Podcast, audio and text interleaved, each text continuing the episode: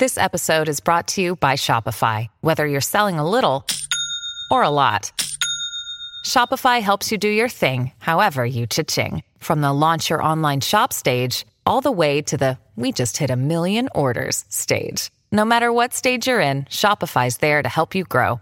Sign up for a $1 per month trial period at shopify.com slash special offer, all lowercase. That's shopify.com slash special offer. Hey, ik snap dat je je podcast wil luisteren, dus ik zal het kort houden. Want als jij het belangrijk vindt om duurzame keuzes te maken, kan ASR misschien helpen.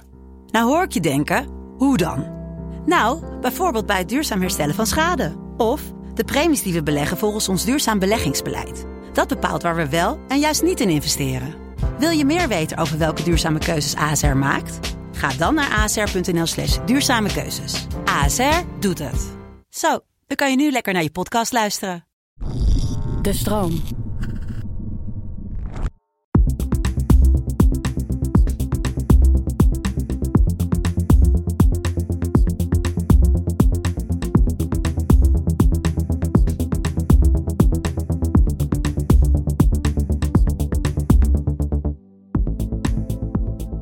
Fijn dat je luistert naar de Podcast Psycholoog. Een podcast waarin ik, Marissa van der Sluis, samen met andere psychologen in gesprek ga over belangrijke onderwerpen. Om zo met z'n allen onszelf en anderen beter te leren begrijpen. Iedereen heeft ze. Zonder ze zou je niet functioneren en ze stromen op dit moment door je aderen. Waarschijnlijk verbaast het je niet dat deze aflevering gaat over hormonen. Maar wat je misschien nog niet wist, is dat ze naast je lichamelijke functies ook je emoties en je gedrag kunnen beïnvloeden. En dat dit niet alleen geldt voor vrouwen, maar zeker ook voor mannen. Hoe dat precies zit, bespreken we in deze aflevering met Estrella Montoya. Estrella Montoya is psycholoog en gepromoveerd op het gebied van hormonen en sociaal-emotioneel gedrag aan de Universiteit Utrecht. En ze werkt momenteel in de klinische praktijk. In 2024 komt haar boek uit over de invloed van hormonen op emoties en gedrag bij vrouwen. Estrella, welkom eh, in de studio vandaag. Dankjewel, leuk om hier te zijn. Ja, hormonen worden vaak toch gezien als een vrouwenonderwerp. Maar ja, waarom zouden mannen nou ook naar deze aflevering moeten luisteren volgens jou? Nou ja, in de eerste plaats omdat mannen, ja, schrik niet, maar zelf ook hormonen hebben. Tada. Tada! Um, en dat hormonen bij mannen ook uh, emoties en gedrag beïnvloeden. Dat is minder bekend, denk ik. Uh, dat denk ik wel. Ja, ik denk dat, dat er toch vaak het idee heerst van uh, vrouwen zijn toch vooral degene die last hebben van hun hormonen of die geregeerd worden door hun hormonen, even in het extreemste geval. En dat dat bij mannen toch vaak, ja, daar, daar wordt eigenlijk niet over gepraat. Uh, terwijl er wel degelijk onderzoek is dat, dat dat bij hun ook zo is. Dus ik denk dat dat uh, een reden is waarom mannen zouden moeten luisteren. Maar ik denk ook omdat uh, we gaan het ook hebben straks over hoe vrouwen de impact van hun hormonen merken en de, de impact op emoties en gedrag. En ik denk dat dat voor mannen natuurlijk ook interessant is, omdat je daardoor letterlijk je partner of je zus of je moeder of je collega beter leert kennen. Ja, we zijn nou eenmaal omringd met vrouwen. Precies, ja. Oké, okay, dus het is ook gewoon nuttig voor mannen om wat meer over zichzelf te leren, maar dus ook over de vrouwen om zich heen. Dat denk ik wel, ja. Ja, um, ja en om even terug te gaan naar de kern. Wat zijn hormonen precies? Want we hebben het er wel vaak over, maar het is nog best wel een ongrijpbaar concept. Nou, hormonen zijn eigenlijk een soort signaalstoffen die uh, in het bloed rondcirculeren en zo hersenen en organen bereiken. Mm -hmm.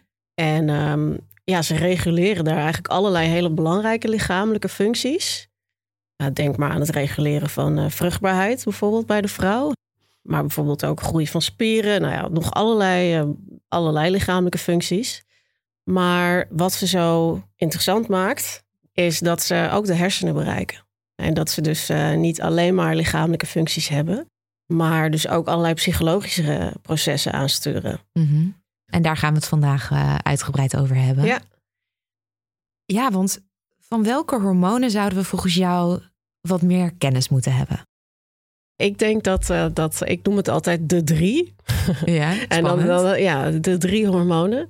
En dan uh, bedoel ik eigenlijk testosteron. Ja. Estradiol, dat is een vorm van oestrogeen.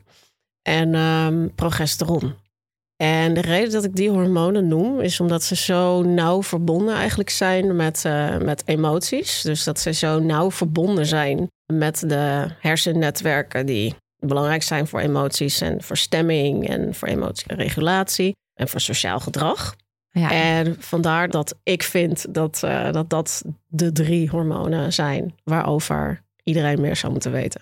Ja, vooral de eerste is vrij bekend, althans qua naam. Uh, Ja. En de tweede en de derde wat minder. Ja. Dus laten we beginnen met testosteron. Ja. Ik denk dat iedereen daar wel zijn, eigen ideeën bij heeft. Ja. Maar wat is testosteron voor hormoon? Ja, testosteron is eigenlijk het, uh, wordt het mannelijke hormoon genoemd. Hè? Is dat het terecht? Nee, want um, ten eerste, ga, ja, daar gaan we meteen al. Het is terecht in die zin dat uh, mannen er meer van aanmaken. Dus mannen hebben over het algemeen veel meer testosteron dan vrouwen. Uh, maar vrouwen maken ook testosteron aan. En dat doen ze door de eierstokken en de bijnieren. En bij vrouwen heeft testosteron ook allerlei belangrijke functies. Maar het, het staat bekend als mannelijk hormoon. En daar horen ook allerlei associaties bij. Uh, Biertieten en helikopters. nou ja, dat. ja. ja, ik wil eigenlijk zeggen gewoon heel netjes uh, agressie en seks. Maar bier Ja, en nee, tieten kan ook. Maar uh, Zo netjes ben ik niet. uh, ja, dus, dus dat is wel over het algemeen wat, wat mensen denken over testosteron. ja. Terwijl wij vrouwen dus ook testosteron hebben Ja. en nodig hebben. Ja, en nodig hebben. En, Ja. en ook in, uh, in ons brein, in ons lichaam, doet het heel belangrijke dingen. Weet je, als je het hebt over seksualiteit, Mhm. dan uh, speelt testosteron een hele grote rol bij vrouwen. En uh, zie je rondom de ijsprong, dus rondom de vruchtbare periode bij vrouwen ook een uh, toename van testosteron. Wat eigenlijk uh, heel vaak uh, samengaat met een uh, hoger libido. Ja. Meer zin in seks. En bij mannen, wat, wat doet het bij mannen voornamelijk? Ja, bij mannen is het, heeft het natuurlijk allerlei lichamelijke functies. Dus het is bijvoorbeeld heel belangrijk voor de spiergroei. De spierballen, testosteron, ja. Mhm. Um, maar bij mannen heeft het ook zeker belangrijke functies bij seksualiteit. Wat je bijvoorbeeld ziet is dat testosteron wordt gezien als een hormoon dat agressie stimuleert. En uh, als je gaat kijken naar wat daar waar van is, als je gaat kijken in uh, wetenschappelijke publicaties, dan zie je eigenlijk dat uh, die relatie tussen testosteron en agressie eigenlijk op zijn best een beetje zwak is, Mhm. statistisch gezien. En dat komt waarschijnlijk omdat testosteron niet per se agressie bevordert, maar dominantie. Dat kan bij mensen, kan zich dat ook heel subtiel uiten. Ja, geef eens een voorbeeld. Nou ja, dat, dat hoeft niet per se agressief gedrag te zijn, zoals wat we daarbij associëren misschien. Dus iemand die ook echt fysiek agressief gaat worden. Maar dominantie kan zich natuurlijk ook uiten in bijvoorbeeld vriendelijkheid. Hè? Mhm. Um, iemand die tijdens een etentje opstaat en zegt: joh, ik betaal de rekening wel. Um, Ja. hè? Om, om eigenlijk toch een hogere status te krijgen Ja. in het gezelschap. Soort, En- eh, op een subtiele manier de boventoon pakken. ja, precies. En, en geldt het ook voor vrouwen? Want vrouwen hebben natuurlijk ook eh testosterongehaltes. Ja. Ja, meer testosteron zorgt dat ook voor wat meer dominant gedrag bij vrouwen? Ehm, bij vrouwen is er recentelijk, het is wel echt heel leuk onderzoek geweest, vind ik, eh, gevonden dat bijvoorbeeld rondom de, de ijsprong, in de Ja. vruchtbare fase, dan is er dus meer testosteron. En dan zie je dus ook eh, een toename in dominantie gemeten als ja, eigenlijk gedrag dat te maken heeft met prestige. Dus Ah. en prestige is eigenlijk laten zien dat je ergens heel veel vanaf weet. Dat je bekwaam bent. Oh, wat opmerkelijk. Dus, Ja. dus vrouwen zoeken dan eerder iets waar ze in uitblinken en een Ja. manier om dat te laten zien Ja. rond eh, Ja. die ijsprong, en die, eh, die niveaus wat hoger zijn. Ja. Ehm, en het, eh, het tweede hormoon wat je noemde dat eh, belangrijk is. Dat is estradiol. Ik, ik noem het altijd samen met, met progesteron. Omdat samen zijn ze eigenlijk ehm, de hormonen die de menstruele cyclus reguleren. Mhm. En het zijn ehm, de hormonen die mannen trouwens ook hebben. Oh ja? Ja. Is het een gekke vraag, maar hebben Ja. mannen ook een soort van cyclus? Eh, dat Hormonaal is- gezien? Nou ja, niet maandelijks. Nee, maar uh, testosteron schommelt wel per dag. Dus je ziet dat er een soort uh, dag- en nachtritme is Ah, in ja. uh, testosteron. Maar het schommelt ook zelfs per seizoen. Oh, Ehm, dat weet ik even niet meer, maar volgens mij in de herfst of zo. Dan pieken testosteronwaarden. Dan is de zomer net achter de rug. En Oh, volgens mij zijn testosteronwaarden dan het hoogst. En dan eh, nemen ze weer af. En over het hele leven van een man zie je eigenlijk dat er een daling is van testosteron. Hm. En dat eh, kan echt al vanaf het 40ste levensjaar starten. Kan ook voor Mhm. klachten zorgen trouwens. Dus het is niet zo dat mannen eigenlijk een constant niveau hebben van testosteron. Ook bij hun zijn er veranderingen en schommelingen. Alleen lijken die wat, wat op grotere schaal plaats te vinden dan Ja. bij vrouwen. Dus dat, dat is eigenlijk een, een groot verschil. Maar ook testosteron is grillig op een bepaalde manier. Want het reageert ook op prikkels van buitenaf. ja. Jouw promotieonderzoek ging over testosteron. Ja. Ehm, maar jij raakte dus wel meer in de wereld van de vrouwelijke hormonen. Ja, ik begon mijn onderzoek naar testosteron en agressie. En na mijn promotieonderzoek begon ik me juist te interesseren voor die vrouwelijke hormonen. Dus estradiol en progesteron. Ehm, wat gebeurt er als vrouwen de pil slikken? Ja. Want daarmee heb je eigenlijk eh, een complete andere hormoonhuishouding. En dan ga je ook gewoon kijken natuurlijk naar de menstruele cyclus en wat die hormonen daar doen. En ja, dan kun je eigenlijk even heel simpel gezegd de cyclus opdelen in twee stukken. Ja. In dat eerste stuk dan zie je eigenlijk vooral een toename van oestrogenen, dat is estradiol. En dat, eh, dat is eigenlijk het hormoon wat waarschijnlijk ook heel erg belangrijk is voor ja, die toena- toename in zelfvertrouwen, toename in zin in seks. En testosteron daar natuurlijk ook. En in dat tweede gedeelte van de cyclus ehm, gaat progesteron stijgen. En ehm, dat zorgt ook nog ervoor dat het baarmoederslijmvlies wat dikker wordt en dat het eitje daar nog beter in kan nestelen. Ja. Maar vrouwen lijken wel heel gevoelig juist voor dat progesteron als het gaat om stemming. En ehm, dan zie je vaak juist dat er wat een negatievere stemming is. Eh, Dat er ook wat prikkelbaarheid kan zijn. Ja. En dat noemen we dan premenstruele symptomen. Het is wel een taboe, nog steeds. Nog steeds. Ja, dat Ja. zal wel. Maar Ja. Ja, ik, ik denk dat dat ehm, bijna terug te voeren is naar de, de oudheid, de Griekse oudheid. ja. Ehm, waarin eigenlijk de baarmoeder al gezien werd als soort van bron van kwaad. Maar tegelijkertijd ook een. Hoe kan zo? ja, omdat dat. komt toch er al het goed, al het goeds komt toch uit nee, de dat werd, dat werd, zo werd het ook gezien. Oké, dus ja. heel ambivalent. ja. En, en eigenlijk die ambivalentie, dus aan de ene kant blij zijn voor die vruchtbaarheid.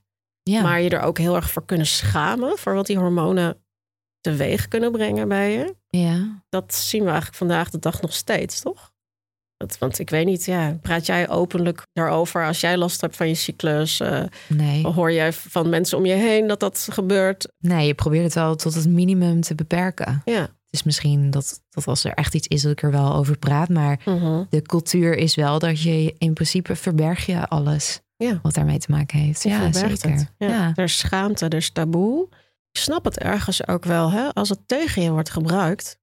Ik moet dan een beetje denken ook aan een Donald Trump, die op een gegeven moment eh, ehm, op eh, tv, hij werd geïnterviewd door een eh, presentatrice. En die was best wel kritisch naar hem. Mhm. En toen vroeg hij zich dus op tv af of zij misschien ongesteld was. Oh ja. Weet je wel? Oh. Het wordt tegen vrouwen gebruikt Ja. vaak. Dan is dus de suggestie al gewekt dat jij een hormonaal persoon bent. Ja.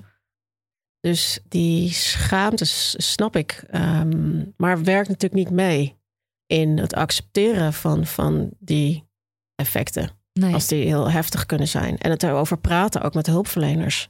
Ja. Hè, dus het zit ook gewoon he- eh, goede zorg in de weg.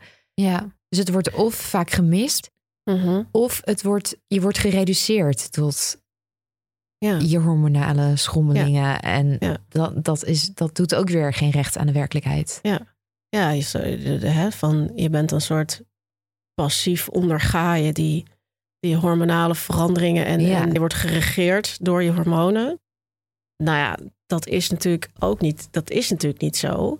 Omdat hormonen werken ook niet alleen in isolatie of zo. Ze werken natuurlijk ook binnen een bepaalde context. Dus wij zijn onze hormonen is natuurlijk nooit zo. Mhm. Want het gaat ook over wat, wat is er nog meer in iemands leven? Wat speelt er nog meer?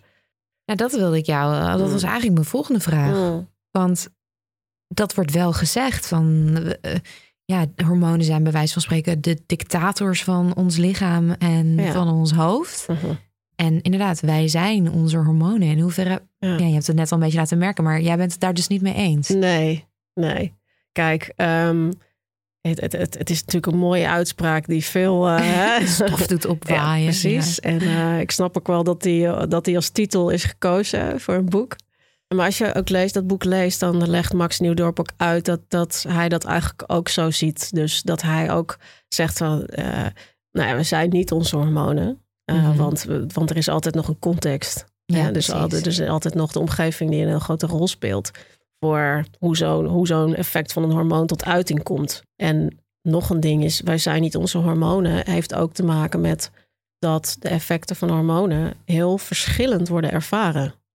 Dus dat er, dat er heel veel verschillen zijn ook eh, tussen mensen. Ehm, en dat het misschien wel voor bepaalde vrouwen wel zo kan voelen. Of mannen. Mhm. Van, eh, dat ze er geen controle over hebben. ja. Als je bijvoorbeeld kijkt naar eh premenstruele dysfore stoornis, dat wordt PMDD genoemd. Ehm, dat is een, een aandoening die, waarbij vrouwen eigenlijk in de fase vlak voor hun menstruatie last krijgen van een negatieve stemming, eigenlijk een depressieve stemming, prikkelbaarheid, stemmingswisselingen in zo'n extremiteit dat, ja, dat er sprake is van suicidaliteit. En dat ze soms ook willen dat hun eierstokken verwijderd worden, omdat er gewoon niet mee valt te leven. Nou, in Nee, ja, dat, dat is geval, vreselijk. Dan verlies je complete controle Ja, door de hormonen. juist. Dat snap ik heel goed Ja. dat je daar dan hulp bij wil. Ja, dus ik denk dat we, dat we de ervaring van het individu gewoon niet uit het oog moeten houden. Dat van die algemene uitspraken als wij zijn onze hormonen, dat, eh, dat, dat, dat geldt niet voor iedereen. Hè? Dat, is, een- dat is een soort Kort, generalis- te kort door de bocht. Ja, maar dat eh, zal voor sommige mensen zal dat zo gelden. Maar voor andere mensen weer helemaal niet. Hè? Er zijn ook eh, bijvoorbeeld vrouwen die, die hun menstruele cyclus niet eens opmerken. Nee. Hè? En dat is ook helemaal goed en normaal. tuurlijk, en ja, ja. dus er, er is, Ja. er is een heel groot spectrum Juist. daarin. Van mensen die er bijna niks van voelen. En er helemaal niet door eh, geregeerd worden, om maar zo te zeggen. En mensen die helemaal aan de andere kant van het spectrum zitten. En eh complete controleverlies ervaren in bepaalde periodes. Ja. Van de maand bijvoorbeeld. Ja. Is dat ook bij mannen zo? Zijn- Is dat ook wel bij mannen bekend dat ze erg veel last kunnen hebben van hun hormonen en daar weinig controle over hebben? Ehm, in extreme situaties denk ik dat dat zo kan ontstaan. Je hebt eh, hypogonadisme. Dat is gewoon een heel laag testosteronniveau. Dat, dat kan voorkomen ja, dat, dat, dat bij bepaalde aandoeningen. Maar wat ik al zei eerder, is dat ook vanaf het 40ste levensjaar testosteron afneemt. Ik kan me wel heel goed voorstellen dat als een man dat heeft, dat dat, dat heel, heel erg eh, sterke effecten heeft. Ja, op- wat voor effecten heeft dat eh, eigenlijk? nou, dat kan eh, seksualiteit beïnvloeden, erectiestoornissen beïnvloeden, teweeg brengen. is ook minder libido. Ja, Ja. zelfvertrouwen, heel veel onzekerheid. Dus ik denk dat dat, eh, en, en dit is ook een taboe, ook bij mannen. Ja, Hè? Want eh, als erectiestoornis is een ongelooflijk taboe. En ik denk dat het voor een man dan heel erg kan voelen ook. Alsof, alsof die controle verliest of alsof die, ja. ja, tuurlijk. Ja. Want je herkent jezelf niet meer. ja. Maar denk jij dat, dat mannen ook denken aan eh, hormoonniveaus als dat gebeurt? Of dat de artsen daaraan denken? Ik denk dat dat wel goed zit. Kijk, eh, het, het, het libido is natuurlijk een heel complex construct. Als we het hebben over context, dan, dan speelt dat bij libido natuurlijk een heel grote rol. Van hoe is de kwaliteit van je relatie?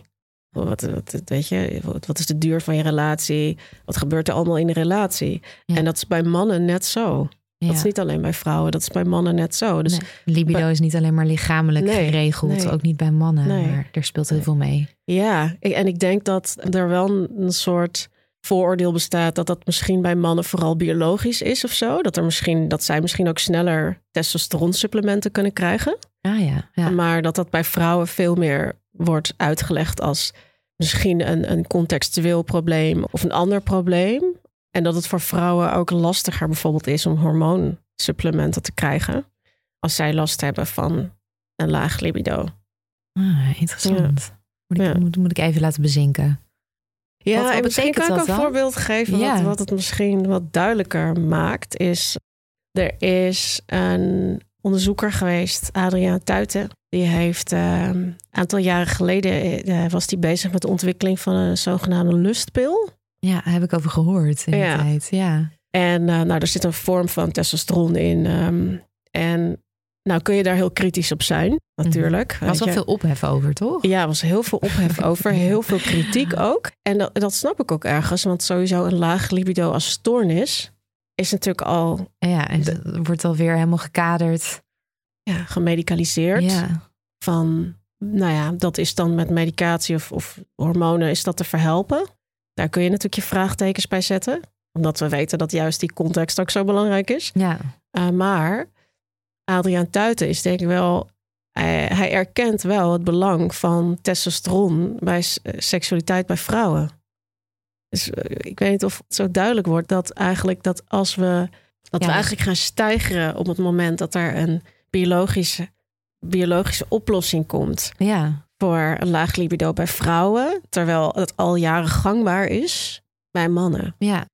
Hoe komt het eigenlijk dat er nu pas zoveel aandacht is voor eh, hormonen? Waarom heeft het zo lang geduurd? Meerdere redenen, denk ik.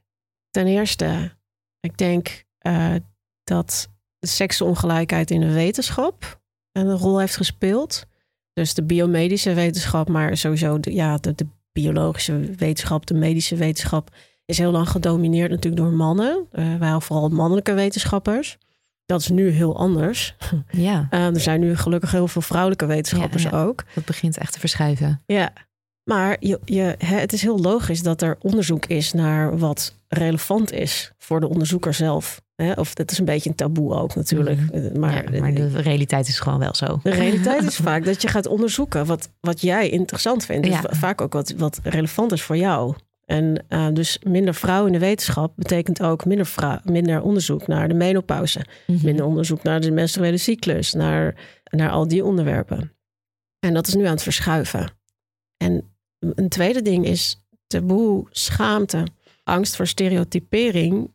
Dat zorgt er ook voor dat die kennis eigenlijk achterblijft. Want door schaamte durf je er niet over te praten, maar je durft het daardoor misschien ook niet te, onder, te gaan onderzoeken. Ja, precies. Dus die schaamte zit ook in de wetenschap. Ja, dat denk ik wel. Ik denk dat dat wel een invloed heeft op de onderwerpen die daar de subsidies krijgen. Mhm. Dus ik denk dat dat doorspeelt.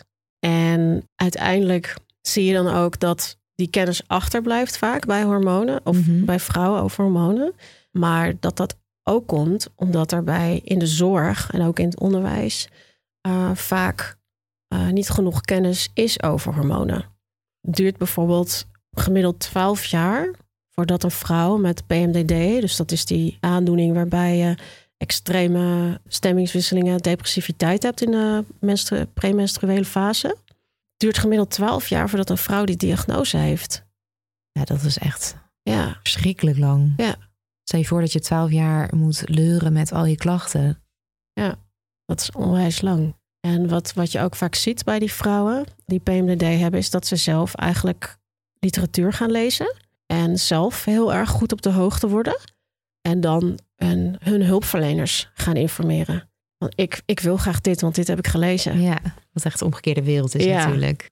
Maar Ja. er is dus eigenlijk nog veel te weinig kennis over hormonen. En met name de, vrouw, de, de vrouwelijke hormonen. Ja, en dat komt ook doordat, en dat snap ik ook wel weer, waar we het net over hadden, van als het tegen je wordt gebruikt, dan ehm, wil je het daar ook niet te veel over hebben. En want ze willen zoveel mogelijk gelijk zijn aan mannen. Ja. Dat, dat zit er nu ook een beetje in.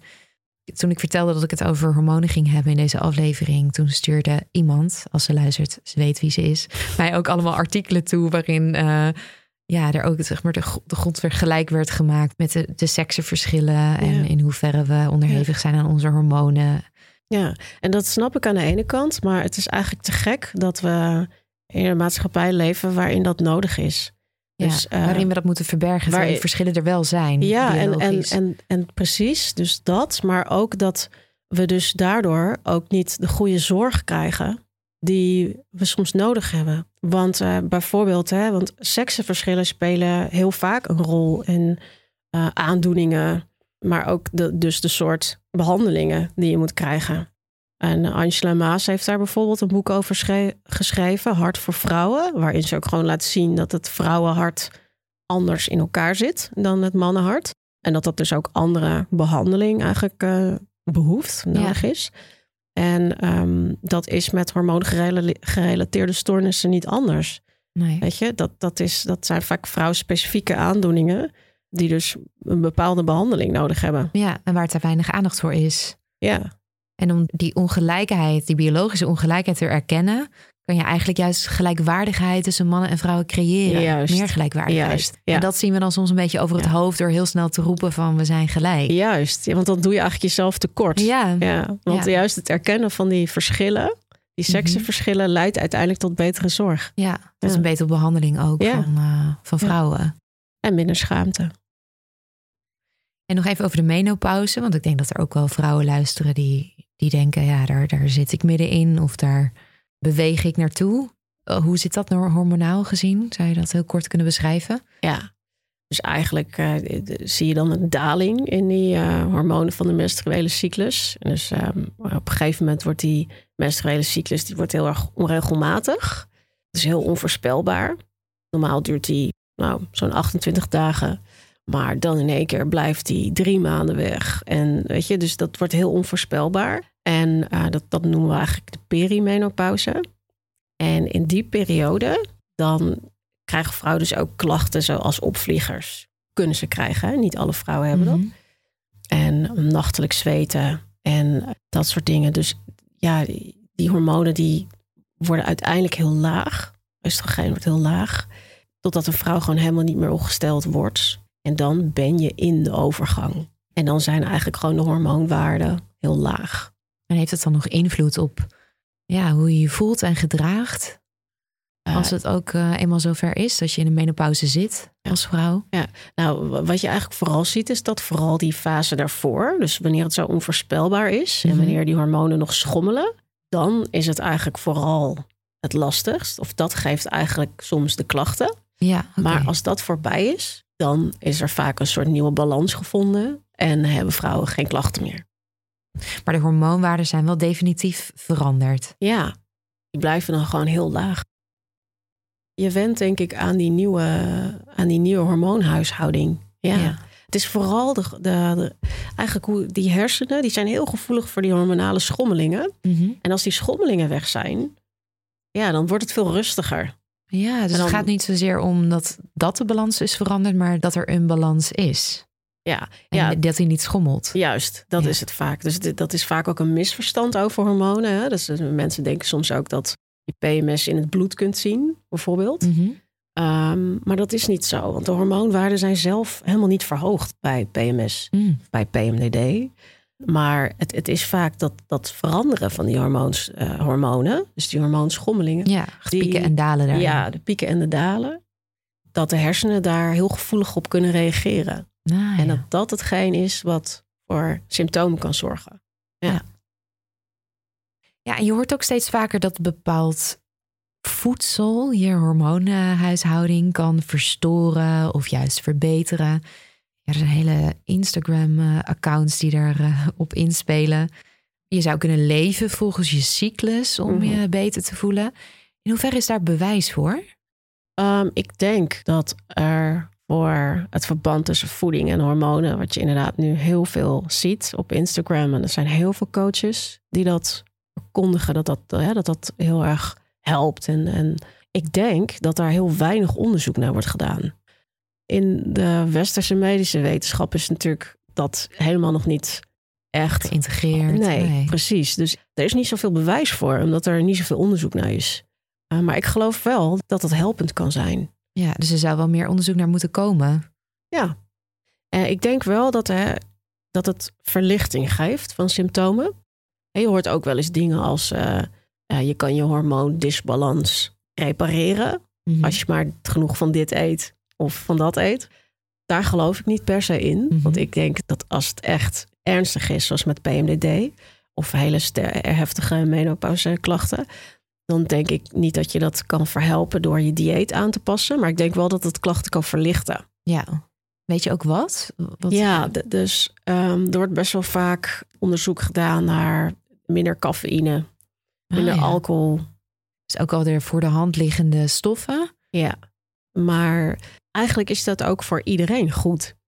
Minder suiker, minder cafeïne, minder alcohol. Mhm. Dat wordt ook gewoon als levensstijladvies gegeven natuurlijk vaak. Ja, in Maar het heeft nog meer invloed op, me- op mensen die, die last hebben van die hormoonschommelingen. Lijkt tot nu toe. Daar kan het wel, ja, daar kan het helpend in zijn. Ja, Ja. Oké, Ja. dus het, het kan wel nuttig zijn om daar eens mee te experimenteren. dat denk ik wel. Ja. En wat betreft eh, leven volgens je cyclus, om je beter te voelen, wat is daarover bekend? Ja, dat eh, is nu natuurlijk heel erg populair. En dat eh, komt ook door dat boek De Cyclusstrategie van Macy Hill. En dat is echt een boek wat daarover gaat. Van ehm, ja, leef volgens je cyclus en eh, hou je cyclus bij. En zij beschrijft eigenlijk de cyclus als vier seizoenen. Mhm. Zomer, herfst, le- winter, lente. En ehm, dat, dat- iedere seizoen heeft eigenlijk een beetje zijn eigen stemming en zijn eigen gedragspatronen. En dat is heel populair, omdat dat natuurlijk vrouwen in hun kracht zet. Ja, het geeft ook een soort kapstok Ja. waaraan je dingen kan ophangen. Ja. En het, het maakt vrouwen eigenaar ook van hun Mhm. eigen lichaam. En dat ze eigenlijk weten van, oké, nu zit ik in die periode, dus dan kan ik misschien die kansen gaan aangrijpen. Dan kan ik misschien die sollicitatie gaan doen. Of Ah, dan kan ja. ik misschien dat, hè, dat spannende, die spannende presentatie, kan ik dan inplannen of naar dat feest toe gaan. Ja, op die manier leven volgens je cyclus. Ja. Dat je net wat meer rekening kunt houden met in welk seizoen je je bevindt van je cyclus. Ja. En daar eh, je gedrag op aanpast. Dat als je die klachten hebt, dat je dan ook je wat compassie voor jezelf kan tonen. Van ja, Juist, het is ook logisch. Misschien moet ik gewoon niet te veel hooi op mijn vork nemen. Of tenminste wat minder, als, eh, wat minder dan normaal. Dat je, dus ik denk dat het heel helpend kan zijn. En jij vroeg, is er bewijs voor? Nou, ik denk niet dat er echt veel wetenschappelijke studies naar gedaan zijn. Maar het idee van hoe jij dat zegt, van het, het, het weten dat het er aankomt. Dat er een lastige fase aankomt. En daardoor mild naar jezelf zijn. En eh, je, ja, je agenda anders inrichten. Dat kan natuurlijk echt heel helpend Ja, zijn. Van jezelf leren kennen, daar gaat het eigenlijk ook om. Precies. Jezelf leren kennen, je, je, je hormonen leren kennen. En dat gebruiken, dat is een heel nieuw idee. Ja, maar helemaal niet verkeerd. Nee, En interessant als daar eh, eens wat meer onderzoek eh, naar komt natuurlijk. ja. Ja, wat zijn nou problemen die kunnen ontstaan waaraan hormonen ten grondslag liggen? En ja, hoe kunnen eh, mensen die nu aan het luisteren zijn, maar ook hulpverleners, de signalen daarvan beter gaan opmerken?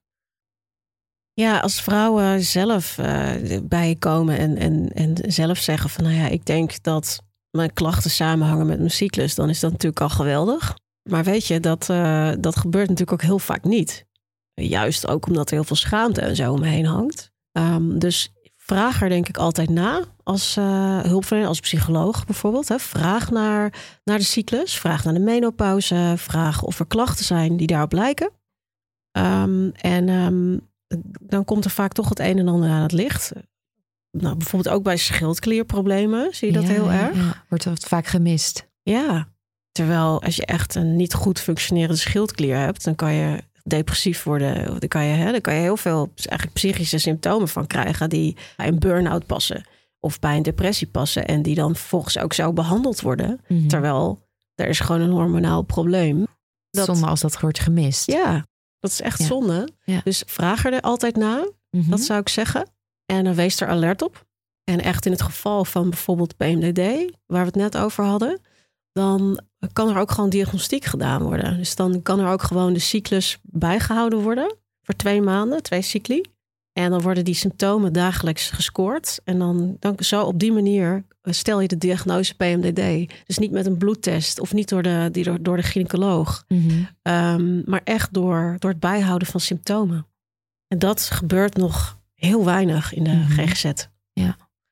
Dus als je aan het luisteren bent en je hebt zelf last van eh, bepaalde psychische klachten die maar niet overgaan, dan zou je eens kunnen kijken of dat te maken zou kunnen hebben met hormonen en het in ieder geval bespreekbaar maken bij je eh, hulpverlener. Ja.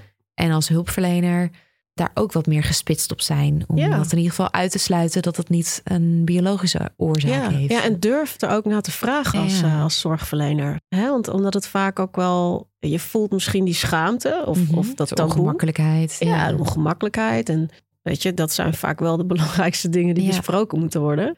Ja, dus vraag er ook naar. Wees niet bang om ernaar te vragen. Mhm. En wat betreft mannen, wat is daar dan het grootste probleem eh, waarvan we misschien de signalen wat vroeger zouden moeten herkennen?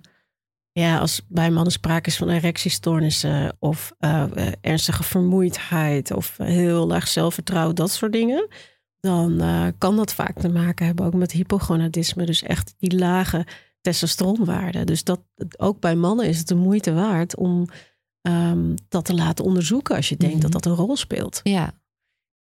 Ehm, ja, en heb je misschien ook nog wat eh, praktische tips voor luisteraars om eh, hormonale problemen te voorkomen of als je ze al hebt te verminderen? Nou, als je denkt dat je cyclus een rol speelt, ga dan natuurlijk je cyclus bijhouden met, met een app.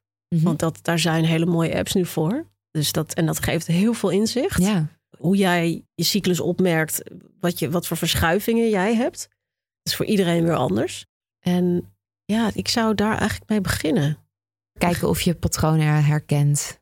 Ja, dat zou ik doen. En ook als het bijvoorbeeld over hormonale anticonceptie gaat, ehm, dan denk ik van lees wat, wat de effecten zijn en maak gebaseerd daarop een keuze. Ja. Dus informeer eigenlijk jezelf. En dat is, dat is eigenlijk een beetje flauw om te zeggen, want dat- die informatie zou er natuurlijk moeten zijn. Mhm. Maar dat is vaak niet zo. Nee, Dus je moet er echt naar op zoek. du- duik er een beetje zelf in om op basis daarvan een goede keuze te kunnen maken. Ja, weet in ieder geval wat je gaat slikken. Ja, Dat is eh, het advies wat je Ja. wil meegeven in ieder geval. ja. Eh, even voor de luisteraars. Degene die willen weten wat nou de invloed is van de pil op onze hormoonhuishouding. En wat voor effect dat heeft op onze hersenen. Die kunnen naar de podcastpsycholoogclub.nl gaan en luisteren naar de exclusieve aflevering daarover. Ja, heb je tot slot nog tips voor de omgeving van iemand met hormonale klachten? Stel je voor, je bent partner van iemand die heel erg last heeft van Mhm. eh, hormonale schommelingen. Ja, dingen zeggen zoals, is het weer zover? Of? Ja, niet heel helpend. dat is niet helpend natuurlijk. Nee, En dat gebeurt wel heel vaak. ben je weer ongesteld. Ja. Maar bijvoorbeeld als je samen gezin hebt, ehm, kunnen een gesprek kunnen hebben over, hey, kan ik je meer ontlasten? Of waar heb je behoefte aan? Weet je wel, in welke fase zit je nu? En kan ik kijken of, of we dit meer samen kunnen doen of je meer uit handen kan, eh, kan geven? Eh, dat kan heel helpend zijn. Ja, En eh, ja, dat meer. Dus niet, niet bespotten en beschamen. Laten we daarmee stoppen. En veel meer kijken naar, oké, maar wat is er nodig dan als je Mhm. er last van hebt? En als ik veel mannen om me heen spreek, mannen willen dat ook weten. ja. Is- die willen dat ook wel Ja, graag. tuurlijk. Maar ja, ze weten alleen niet hoe. Nee. Want de vrouw waardeert dat weer, dat de man er meer kennis van heeft en daar ook instapt. Ja. Behalve dus als je Donald Trump heet. Dan, dan, doe, dan, Oh, doe, je dat, dan doe je dat niet. En Nee. dan maak je bespottende opmerkingen. Maar ik, ik ken heel veel mannen die het juist heel graag willen weten. En eh, er echt in geïnteresseerd zijn. Wat doen die hormonen dan precies bij hunzelf? Maar ook gewoon bij, als een relatie hebt met een vrouw, bij een vrouw. Ja. Wanneer is het tijd om eh, wel echt hulp in te schakelen? Eigenlijk altijd natuurlijk op het moment dat jij denkt van ja, dit, dit gaat niet meer. Mhm. Dan is het misschien eigenlijk al te laat. Hè? Eh, eigenlijk gewoon al wanneer je denkt, ik heb last van mijn hormonen. Opvliegers, eh, slapeloze nachten. Ja. Eh, hele extreme depressieve stemmingen, maar ook minder extreme. Weet je, ook bij lichamelijke klachten trouwens. Hè, die, we hebben de focus in deze ja, podcast ligt natuurlijk heel erg op psychische aspecten. Mhm. Maar ook bij extreem bloedverlies. Ehm, Mhm. Extreme vermoeidheid of, op, of opgeblazen gevoel. Dan kun je natuurlijk krampen, heel veel pijn hebben. Dan moet je eigenlijk gewoon aan de bel trekken. Ja, ik denk toch dat, ja, ik weet, misschien is het overgeneraliserend, maar dat Nederlandse vrouwen ook wel kunnen denken, ja, ik even doorbijten en het hoort er nou allemaal maar bij. En dat het daardoor veel te lang doorgaat. Ja. Oh, Dat herken ik zelf ook wel. Dat ik soms veel te lang heb doorgelopen met klachten waarvan Ja. ik later dacht, ja, waarom eigenlijk? Ja, dat herken ik ook. Maar het zou mooi zijn als dat, als dat wel kan. Mhm. En als je dat wel kunt aangeven. En als je daar openlijk over kunt praten. Als je daar behoefte aan hebt. Ja. We zijn aan het einde gekomen van deze aflevering.